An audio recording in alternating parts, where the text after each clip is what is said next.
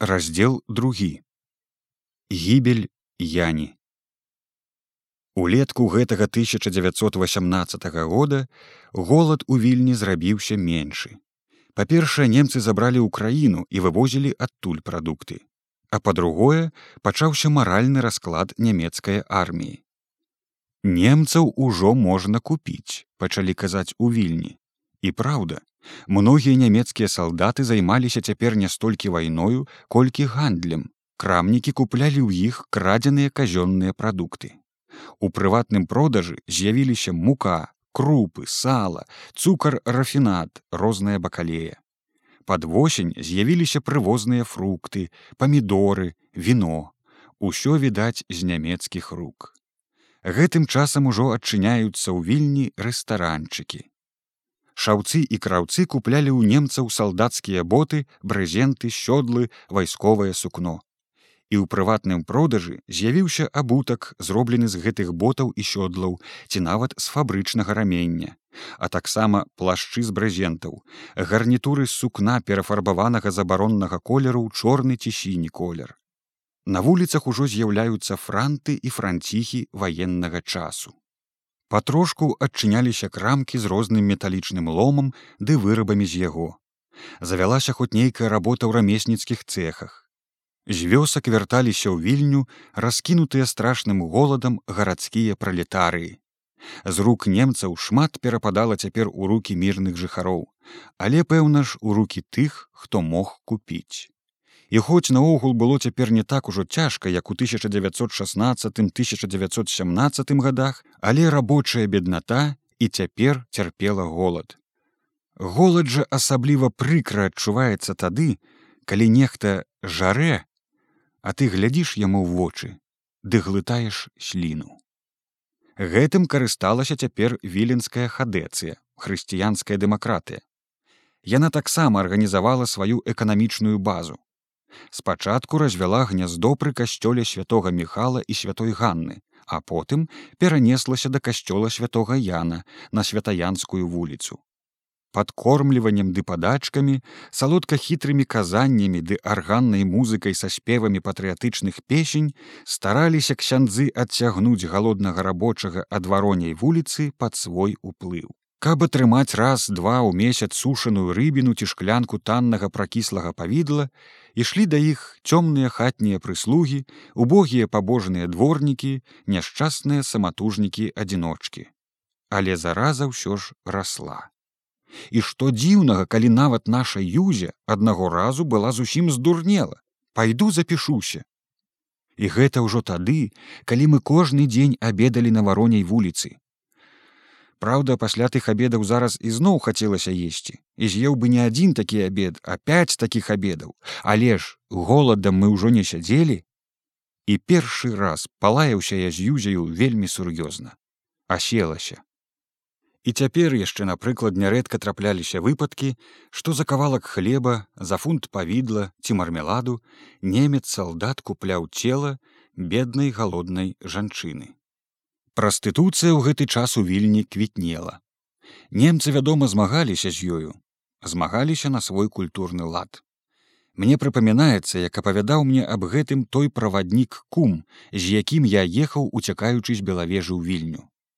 Каб салдаты не заражаліся венерычнымі хваробамі, нямецкае вайсковае камандаванне адчыняла для іх спецыяльныя вайсковыя публічныя дамы пад наглядам дактароў спецыялістаў. На станцыі кашадары быў нямецкі перасыльны салдацкі пункт. І вось там, якраз супроць школы праз вуліцу ад яе стаяла аж восем такіх домікаў. Як толькі прыходзіць вайсковы эшалон, казаў ён, немцы салдаты з ранцамі на плячах з амуніцыяй бягуць туды. Зробіцца чарга, дык некаторыя чакаючы сядуць у чарзе на ранцы, чытаюць газеты. У вільні таксама былі такія домікі і цэлыя дамы. І былі спецыяльныя шпіталі, дзе лячылі жанчын хворых на венерычныя хваробы. У горадзе хадзілі нядобрыя чуткі аб шпіталі для прастытутак, што быў у звярынцы. Апавядалі, што немцы трымаюць там хворых жанчын у палатах пад замком і пад вайсковаю вартаю. Апавядалі, што хворых на пранцы ў моцнай ступені адтуль ужо зусім не выпушчаюць. Даюць ім соннага морфію ці чаго пакуль бедная спіць спіць. І так і засне навекі. Усе гэтыя чуткі перадавала мне юзя. Думаю што яня таксама ведала пра іх ад юзі хоць сёстры штосьці мала дружылі і не асабліва часта аб чым-небудзь па сакрэту размаўлялі. Пасля смерці мае маці я ніяксьці аддалілася і ад юзі і ад мяне Мы ўсё былі вечна заняты работаю і думкамі аб кавалку хлеба. Я не тоіла сваё жыццё ад нас, нічога нам не казала. Зарабляла яна сабе на жыццё сама. У пачатку нямецкай акупацыі, хоць была яшчэ малая, спрабавала ўсякую работу. Нарэшце попала ў гэтую вайсковую парыкмахерскую. Яна старалася трымацца там, хоць трымалі яе, пэўна ж, не столькі за спраўнасць у рабоце, колькі за хараство. Дзяўчынка была вельмі прыгожая і маладзенькая. Такіх жа ўсё і падбіралі ў парыкмахерскія, кандытарскія ды модныя магазины. Парыкмахерская была на кальварыйскай, недалёчка ад артылерыйскіх казармаў. А мы жылі на вастрабрамскай. Хадзіць ёй было вельмі далёка. Работу канчала а шостай і бачылі мы яе толькі ўвечары. А было ўжо ёй гадоў 16-17. Аднойчы ў канцы жніўня месяца і я нядоўга не прыходзіла. Мы чакалі чакалі, занепакоіліся. Я лёг задрамаў, прачнуўся, усё яе няма. Юзя кажа, трэба ісці шукаць і ўжо плача. Пропуску ў мяне не было, але я пачаў напранацца, каб ісці ў парыкмахерскую. Парыкмахерская, пэўна ж была ўночы зачынена, але куды ж мне было яшчэ ісці? Усё тая дарога, Раптам яна з'яўляецца. Гадзіне а 12 уся заплаканая усхваляваная і як мы не дабіваліся ад яе каб сказала ў чым справа нічога не дабіліся. Казала што ці то звольнілі са службы ці то хочуць звольніць дык сядзела ў садзе не хацела дамоў ісці. Наіўна маніла бо да маны не прызвычаілася. Была надта праўдзівая дзяўчынка. А калі хацела ад нас што-небудзь скрыць дык проста маўчала Юзя пачала была на яе сварыцца, а яна ізноў плакаць. Я стрымаў юзю, ды было ўжо і позна, ляглі спаць. Назаўтра раніцою, калі мы яшчэ толькі ўсталі, прыходзіць да нас немец салдат. Яня за дзверы, а ён загарадзіў ёй дарогу і загадвае сабрацца і ісці з ім. Я страшэнна ўсхваляваўся, голас у мяне рвецца і пытаюся па магчымасці спакойна, что такое? За што арышт куды ён хоча яе весці а ён і кажа хоць і самому відаць прыкра.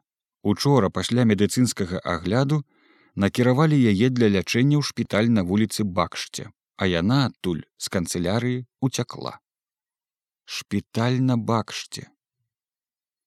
Шпіталь для такіх хворых. О гора гора! Як жа гэта Што ж гэта? Гром на ясным небе. І чаму ж яна нам нічога не сказала і цяпер плача, маўчыць.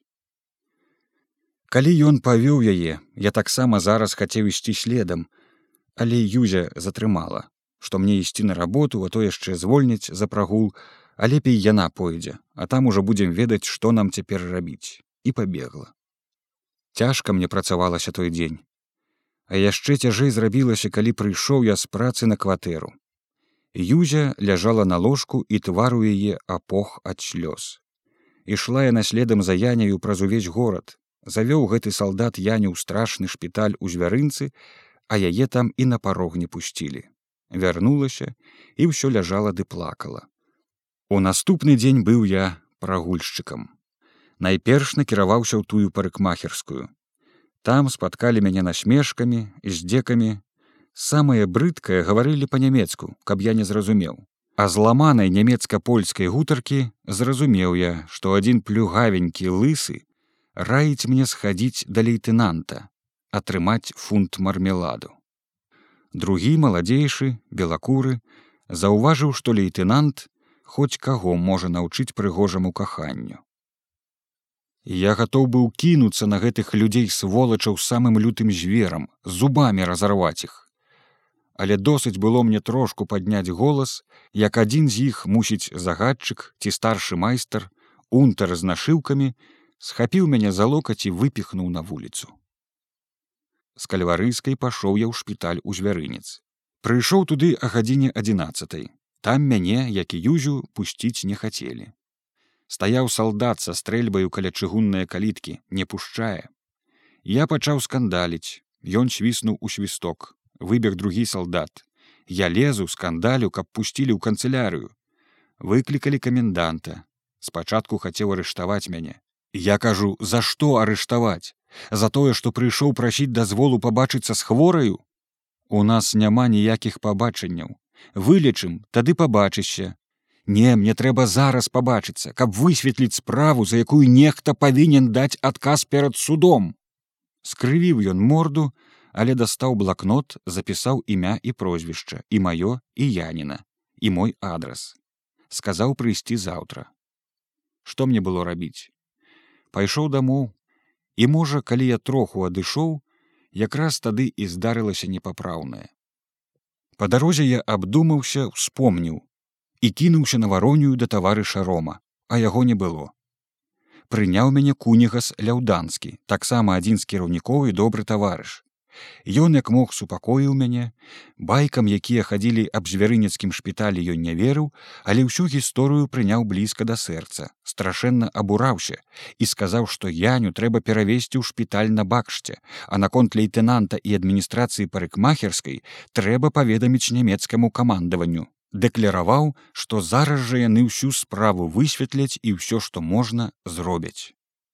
Мне палягчэла. Цяпер ужо мы маем сваю абарону. На кватэру прыйшоў я больш-менш супакоены, хоць неадчэпная думка аб такім здарэнні з яняю гняла мяне гнётам.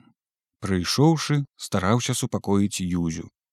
На заўтрашні дзень якраз прыпадала свята, на работу не трэба было ісці і мы пастанавілі ўвесь дзень аддаць на яню, каб пабачыцца з ёю, супакоіць яе і каб дабіцца пераводу яе страшнага месца. Ці маглі ж мы ведаць, што страшнае непапраўнае ўжо адбылося. І што калі мы меркавалі з юзею, што рабіць, каб яе вызваліць, яе ўжо апускалі ў магілу. Назаўтра раніцою, калі збіраліся мы ісці да яе на пабачэнне, неспадзявана з'яўляецца салдат расыльны, з пакетам ад шпітальнага каменданта. Што гэта яшчэ думаю, чытаю. І ўваччу мяне замітусілася. Камендант быў ласкаў паведаміць на польскай мове, што хворая Яніна плахінская каля 12 гадзіны дня выкінулася з акна трэцяга паверха на брук і разбілася на смерць. І нават выказаў свой жаль. Пахаванне прызначаў на шостую гадзіну пасля паўдня калі родныя і могуць з'явіцца ў канцылярыю шпіталя з гэтым пакетам замест пропуска. Як апісаць увесь наш стан пасля гэтага паведамлення. Мы не чакалі шостой гадзіны. Мы пабеглі ў шпіталь зараз, каб дазволілі пабачыцца з ёю мёртваю у нябожчыцкай. Напісана было ясна, беспаваротна, і пэўна разбілася яна жудасна недаглядзення але невядомая сіла гнала нас да яе скарэй скарэй. Прыбягаем у канцылярыю і што ж аказваецца? Чытаючы паведамленне я не разгледзеў якое пастаўлена чысло аказваецца яню пахавалі ўжо учора а шостой гадзіне пасля паўдня. Хвалёная нямецкая акуратнасць. Пакет мусілі даставіць нам учора а даставілі толькі сёння Што з таго, што камендант быў такі ласкавы, што ў нашай прысутнасці даваў камусьці там самую суровую вымову з папярэджаннем. З пахаваннем чамусьці паспяшылі, а з пакетам спозніліся. Ды і ці не ўсё ўжо роўна. Ну, расказалі нам, як знайсці яе магілу на новым звярынецкім могільніку. Маці з наполеонам на росе, Яня тут ізноў нядаўні пустыр пасчечаныя сосны. Толькі тут ён ужо ўвесь густа застаўлены новенькімі сасновымі крыжыкамі. І ёй ужо паставілі адразу як закапалі. І хімічным алоўкам на дошчацы акуратна напісалі. Юзя кінулася на жоўтыя камкі гліны а я стаяў акамянелы разбіты. Цёплая жнівеньская сонейка ласкава прыгравала жоўценькія мятлушкі спакойна мітусіліся між крыжоў дзесьці здалёк вясёлая іграла вайсковая музыка духавы аркестр мусіць ішлі салдаты у знаменскай церкві зазванілі